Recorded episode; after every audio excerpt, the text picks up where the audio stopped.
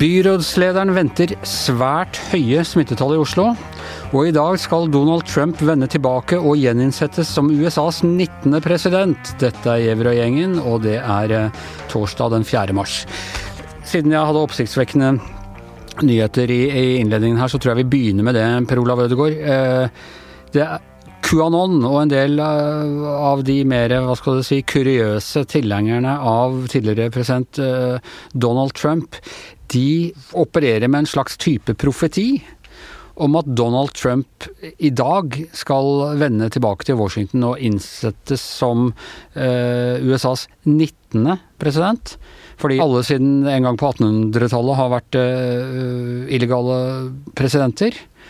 Og eh, dette skal altså skje i dag. Og det tas såpass alvorlig at Washington er eh, fullstendig nedstengt eh, og, og dominert av vakthold og både militære og politi. Hva er dette for noe? Ja, altså, det, er jo bare en ny konspirasjon som da erstatter en annen. Altså, De hadde jo en forestilling om at de hadde en, en, profeti. I QAnon har man jo den slags profetier. og Da sa man at Donald Trump skulle vinne og bli innsatt som, og bli gjenvalgt som president. Eh, og det trodde mange av disse tilhengerne på eh, helt frem til innsettelsesdagen 20.1, da Biden jo ble president. Eh, til tross for at han tapte valget. Og så når, når den profetien da ikke slo til, så har de kommet opp med en annen profeti, en ny profeti. Og Det gjør jo gjerne sånne dommedagskulter. Hvis, når dommedag ikke inntreffer, så utsettes den liksom en måned eller to. Ja, man vil jo tro at det er litt skuffende for noen, mange av disse tilhengerne når man ser at dette faktisk ikke skjer, som de så lenge har vært hellig overbevist om.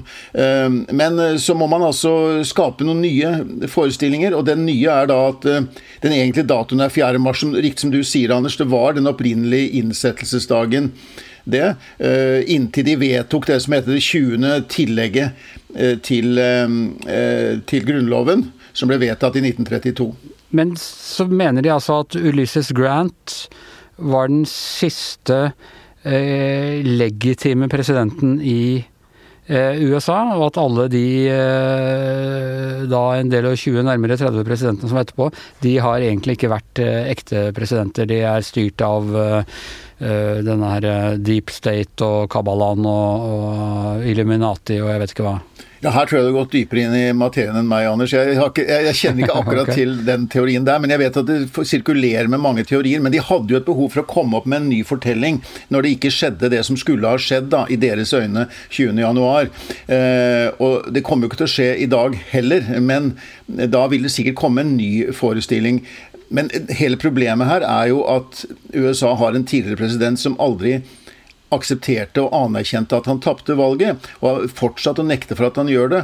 Og det er jo disse oppfatningene om valgfusk og konspirasjonsteorien rundt dette som, som eh, FBI og andre sikkerhetstjenester frykter kan bidra til vold. Og så har det da vært en del chatting, en del ting i sosiale medier hvor ekstremister har diskutert 4. Eh, mars da, eh, som et tidspunkt for å gå til et nytt angrep på Kongressen. Det er det som er blitt fanget opp.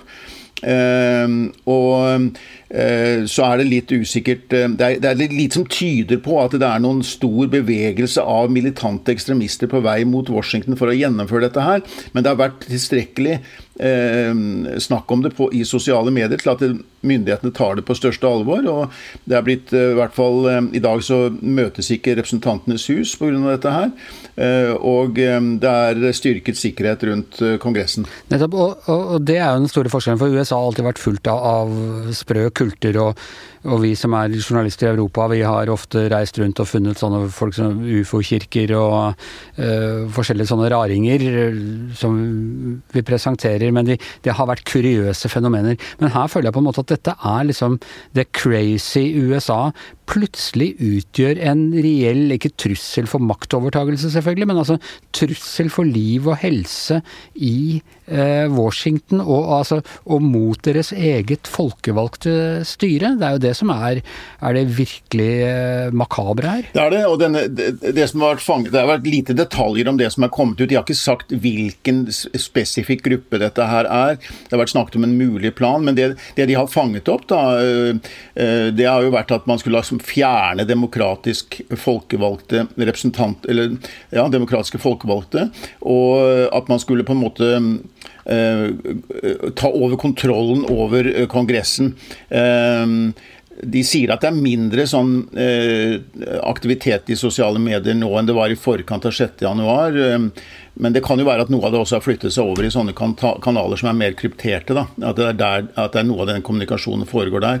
Men samtidig som du sier, det altså, det er ikke noe, foreløpig ikke noe tegn på at det er noen store ansamlinger av folk som kommer til, til Washington, som det var Eh, for altså, 6. Eh, januar var jo eh, var ikke vanskelig å se at det var noe på gang, selv om man ikke kunne forutse hvor, hvor aggressive de ville være. Da ringte jo alle varselklokker på forhånd, uten at man da tok tilstrekkelig hensyn til det ved å styrke vakthold og, og, og, sikkerhet rundt Kongressen. Og det er jo nettopp det man nå har hatt høringer om i Kongressen denne uken også, om hvor, hva som gikk galt og hvordan det sviktet den gang. Og så er man kanskje nå blitt ekstra nå er, man, nå er man oppmerksom på faren. Nå har man sett hva som kan skje. og Derfor så har man jo da også Eh, styrket sikkerheten eh, både ved sånne fysiske sperrer, eh, og det er jo også ganske ille da, at man må ha opprette sånne sperrer rundt Kongressen, og, og, men også ved å ha flere større antall sikkerhetspersonell i området rundt der.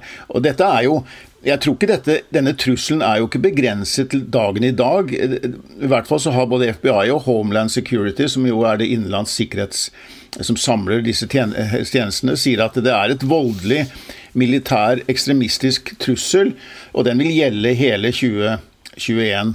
Eh, så det er ingen grunn til å på en måte senke skuldrene og tenke at det var over med dette som skjedde 6.1. Ja, og vi kan jo legge til det, altså FBI-sjefen, han som ble innsatt av Trump selv, istedenfor han Comey, som Trump ikke kunne fordra, eh, vitnet i Kongressen forleden, og han understreket der at eh, alle som er pågrepet og, og siktet og, og etterforsket i, eh, etter opptøyene 6.1, har vært Trump-tilhengere. Det er ikke noe spor av at dette er noe sånn falsk flaggoperasjon med, med, Antifa eller Black Lives Matter eller noe som helst sånn.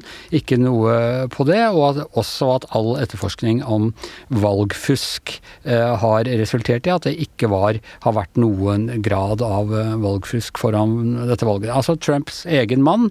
Men det virker ikke som det har roet ned eh, hans mest innbitte tilhengere. Men kanskje Dette må man kanskje være religionsforsker for å svare på, men, men med to dommedager, eller to sånne uh, dager som ikke innfrir, er det noe håp om at uh, de mest troende kanskje blir litt mer skeptiske neste gang uh, man spår at Trump skal vende tilbake? Ja, det kan man jo håpe. Det hadde hjulpet veldig da, om Donald Trump selv hadde gått ut og på en måte satt disse tingene på plass og sagt at det, dette valget nå er avgjort. ja, men, eh, det, men det, han hadde jo en anledning til å gjøre det nå i Florida sist helg. Han gjorde ikke det da. Han fortsetter å snakke om at han egentlig vant valget. Og da fyrer han opp. Det er faktisk ganske mange millioner, kanskje noen titalls millioner amerikanere som tror på at han ble fratatt dette valget. Og, og så lenge det er tilfellet, så er det klart da finnes det eh, en slags gro grobunn for den type um, både, både konspirasjonsteorier og de voldelige elementene, de voldelige ekstremistene som vi jo vet og lenge har visst finnes i USA. og at de, man, skal i hvert fall, man er i hvert fall i en fase nå hvor det er all grunn til å ta dette på alvor, selv om man denne gangen nok er veldig godt forberedt på alt som eventuelt måtte komme. Jeg tror man var Kanskje man er nå, nå, tror jeg ikke det er noen sjanse for at det, noe av dette som de snakker om, kommer til å skje, men, men eh, vi så jo hva som det kan medføre 6.1. Det er under to måneder siden stormingen av Kongressen, så det er kort tid siden, og minnet er friskt. Forferdelig synd for USA, forferdelig synd for den veldig fine øh, byen Washington, hvor man alltid har kunnet vandre fritt omkring, gå opp til Capitol Steps, og, og øh, hvor det har vært øh, liksom forsvinnende lite til å være den mektigste hovedstaden i verden. Forsvinnende lite av den der typen svære sikkerhetstiltak. La oss håpe vi kommer tilbake dit. ja, vi, vi, får håpe det. Vi får håpe det. Uh, vi skal hjem igjen. Uh, Astrid Mæland, som vanlig bekymret Oslo-borger, så er jeg litt forvirra. Altså, nå våknet jeg i dag til å høre at nå var det lavere tall i Oslo igjen. Det var mindre enn det var i snitt i forrige uke, og, og ting ser liksom greit ut. Samtidig så er altså byrådsleder Raymond Johansen ute og venter svært høye smittetall i Oslo nå i dagene som kommer. Hva, hva er dette for noe? Nei, det er tunge tider, Anders. Jeg vet nesten ikke jeg orker å snakke om det. Du må, du må, noen må ta den tunge skal vi, skal vi dra den her? Ja, nei, det er jo som venta, egentlig. Da, som det har vært sagt lenge, ikke sant, det er snakk om den her eh, virusvarianten, den her mutanten som vi snakka om så lenge, den er jo mye mer smittsom. Eh, og nå har han jo tatt over da, i Oslo. Eh, så nå ser det ut som det går eh, fortere eh, med smitteveksten. Og det betyr at vi må ha strengere tiltak enn vi må ta før mutanten kom, for å få samme effekt. Um, og jeg syns det er ganske foruroligende tall, altså det R-tallet som vi driver og maser om hele tida. Uh, det, det skal ligge under én. Uh, eller på én, for da holder pandemien seg flat, eller så, så, går den ned. Men nå den jo, legger den jo over en her, og det betyr jo raskt økende pandemi. Kan de ikke ha det sånn? Jeg tror dessverre at uh, vi må ha flere tiltak. Ja, altså, nå ble det jo tiltak i Oslo på søndag, så de får se om det hjelper. Det er jo kjempestrengt. Jeg forstår nesten ikke mer hva vi kan skru, skru, skru til. Nei, men det er jo lavere, altså, det var jo lavere tall nå enn det var for en uke siden. Det tyder jo på at Uh, tyder jo på at de tiltakene virker på en eller annen måte. Ja, Nå er det for tidlig å si om de her tiltakene som var innført på søndag nå virka. Ja, De har ikke kicka inn ennå? Nei. Nei, og så går det ikke an å se på sånn dagstall, sier alle de her statistikere. Du må se liksom på trenden, da, for det kan være litt eh, etterslep og litt feil i de her daglige greiene. Så vi får se litt på trenden, og den går jo rett opp, dessverre. Eh, både i Oslo og så er det Agder. Men er ikke det også fordi man nå tester mange flere? Nå blir jeg litt Donald Trump her. Ja. Slow down the testing. Vi må få slutt på den testinga, Anders. Det er bare noe stygghet. Det fører bare til at den er Ja, men det er vel et, altså det blir jo flere tilfeller når man tester mer. Ja, godt poeng, og det er helt legitimt. Eh, og, og, stille spørsmål det, men må vi følge med på å se på smittetallene i sammenheng? Det kan ikke bare drive og si liksom, å, smitten går opp, og så viser det seg at det som egentlig har skjedd, det er at de har testa dobbelt så mange. Så det trenger ikke å bety at pandemien er verre. Men det de har noen andre indikatorer som de ser på i tillegg, og det er sånn positiv andel, altså hvor mange av dem som testes i Oslo eh, får positiv prøve. og Når den ligger liksom på Eh, I Danmark så tror jeg det ligger på 0,5 eller sånn, altså svært få. Men i Oslo nå så ligger den på mellom 4 og 5% og det er en stor oppgang. Så det tyder òg på at pandemien er i vekst. Så man må liksom se de tallene litt i sammenheng, da. Um, så ja, og så dukka det jo opp uh, Oslo-smitte overalt ellers i Norge. Så der utbruddet i Harstad, det kom jo fra Oslo. Så ja, det er, det er ikke helt Det gjør oss stadig mer populære i Distrikts-Norge, vi som kommer fra Oslo. Hvis vi liksom ja, jeg tror ikke vi skal drive Spre smitten utover samtidig som vi skjevfordeler vaksinen hitover.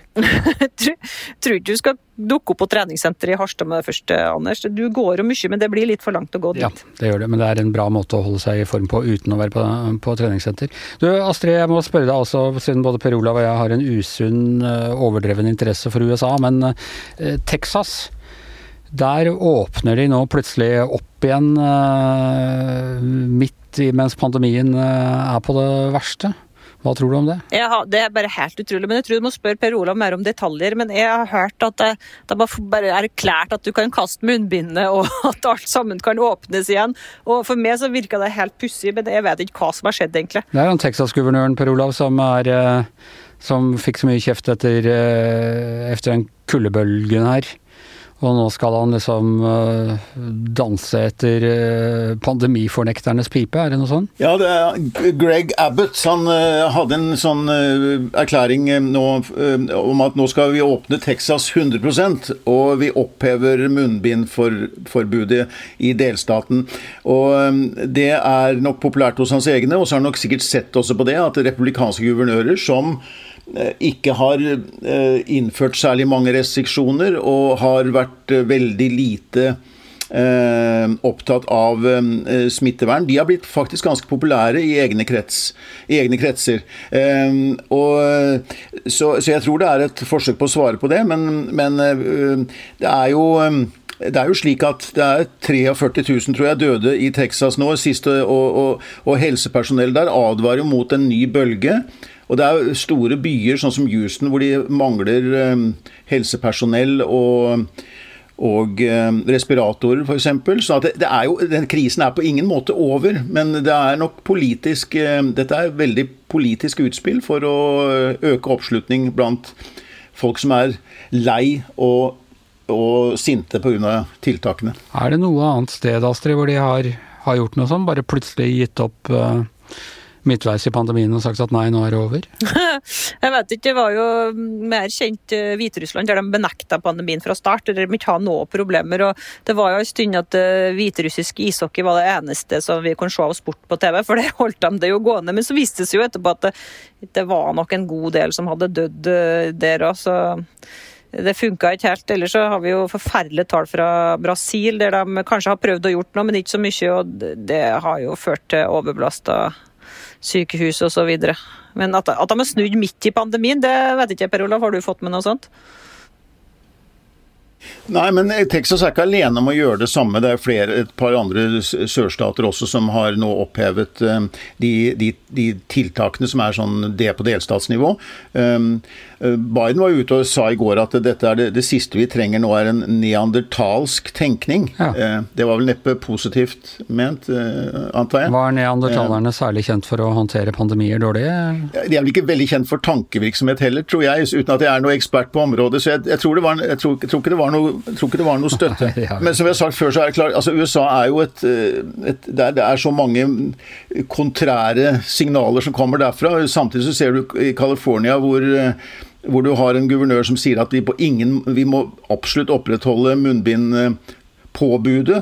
Og, og, og, der har de begynt med en sånn ganske radikal utgave av den der fordelingen som vi nå skal starte med i Norge. med å skal, 40% av alle nye vaksinedoser skal gå til spesielle lavinntektsområder i delstaten, fordi de ser at der er smitten størst, og det må vi bekjempe nå hvis vi kan, skal kunne åpne hele staten. Det er jo noe av den samme tenkningen som ligger bak, hvis jeg har forstått det riktig da, Astrid, hva som ligger bak tenkningen med regjeringens nye strategi. Ja, det er sant. Eh, FHI, Folkehelseinstituttet, skriver om akkurat det her i den siste rapporten sin som kom på onsdag, om å vise til USA, der de faktisk skjevfordeler, eh, har som mål å skjevfordele vaksiner til de Eh, mest utsatte sårbare gruppen en viss prosentandel. Men FHI skriver at de har ikke funnet ut at noen har gjort det i praksis ennå, men så der har altså Per Olav funnet det første eksempelet på at det faktisk blir gjort. Da, og det er jo ganske interessant. Det er jo litt sånn som eh, kan, kan virke i Oslo, da, ikke sant, hvis man eh, Sånn som Shazia, vår kollega skriver før, går på husholdninger med mange i en husholdning og sånn, og, og vaksinerer dem først. Dette minner meg litt om røykelovens første dager hvor vi sånn på klubbmøtene i Arbeiderbladet og sånne ting vedtok at det var røykeforbud på halve, i halve rommet på, på klubbmøtet. Var, den røyken hadde en tendens til å drive og fylle hele rommet. Men vi får se eh, hvem som gjør det best av, av California og Texas og hele resten av verden. For så vidt når hele dette en gang er over. Eh, Gjever og gjengen er over for i dag. Hvert sitt hjemmestudio, Per Olav Ødegaard, Astrid Mæland, jeg heter Anders Giæver, og podkastens eneste legitime og stadig tilbakevendende produsent heter Magne Antonsen.